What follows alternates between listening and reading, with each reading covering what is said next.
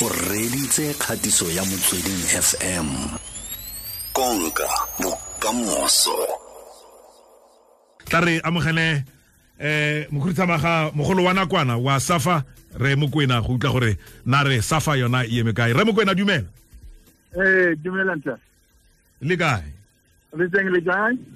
re teng re lebeditse fa re batla go utlwa gore kemo ya safa re se re utlwile mo methoding e e farologaneng ya dikgang.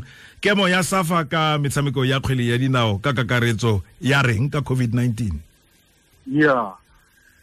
Okay, look, we we have looked at this problem that the government and the president spoke about on Sunday uh, evening, and uh, we came to the conclusion that it will be best that we suspend all uh, our football matches that are taking place right from the promotion league up to the women's national league. Uh, as you know, the professional arm is run by the National Soccer League. Uh, we are having still discussions with them, and they have announced also to suspend for this week. And we're still discussing and looking at how uh, we can uh, avoid the problems of legal obligations of contracts and so forth. But on the uh, on our leagues and the national teams, all our national teams, all games have been postponed or have been suspended. Let's clarify the suspension. Do we have the dates uh, that you're looking at? Maybe reconvening again and talking about uh, uh, maybe going forward? Yeah, look, we don't have a date because uh, we, we don't know uh, how the development of this uh, disease is going to be. Uh, we are hoping that uh, probably in the next two weeks or so, uh, it would be clearer from government. We're working very closely with government to try and and monitor the situation. So depending on the developments, we we we hope that probably uh, in the next two to three weeks this this would have been resolved.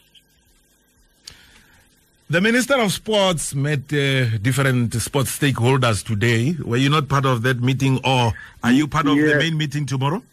I was part of that meeting. Uh, that's why I'm driving. Actually, I'm coming straight from there, and uh, we had a very successful uh, discussion with the minister, uh, and where he also started, uh, we also looking at mechanism and and a team uh, that could advise all of all our, our sporting bodies uh, about the development of the virus in the country. So that team will liaise with government at the high level, uh, as, as the president outlined uh, on Sunday. There's another meeting tomorrow between PSL and the Board of Governors. Uh, were you invited to that meeting? No, the, the meeting with the board of governors, governors and the, uh, at the PSL is on Thursday. Tomorrow is uh, Wednesday. yes, but yeah. what Mm. what will happen tomorrow is that uh, we have a further meeting again with the PSL to discuss uh, this uh, suspension of the games further. There is a, a debate going on right now. Uh, another one is on it's on social media. Uh, it, it's about the way forward, whether the games should be played uh, behind closed doors like other countries did. But uh, those countries we've seen now that uh, uh, they decided now to uh, postpone the games altogether, or Yeah. whether or whether to postpone the games altogether as we've already done. Ram. Yes, um, the, the, yes, it is a it is a, useful debate.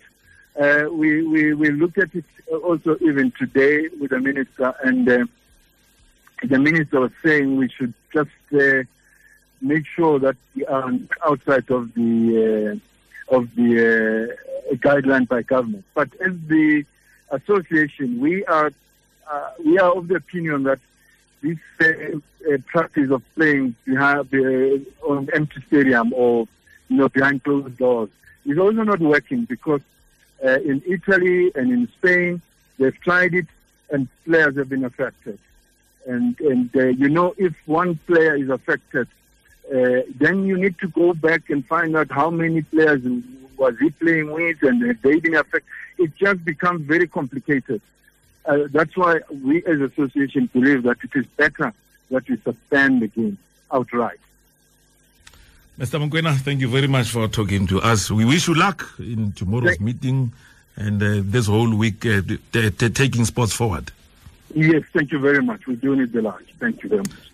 e ke kgatiso ya motsweding fm konka bokamoso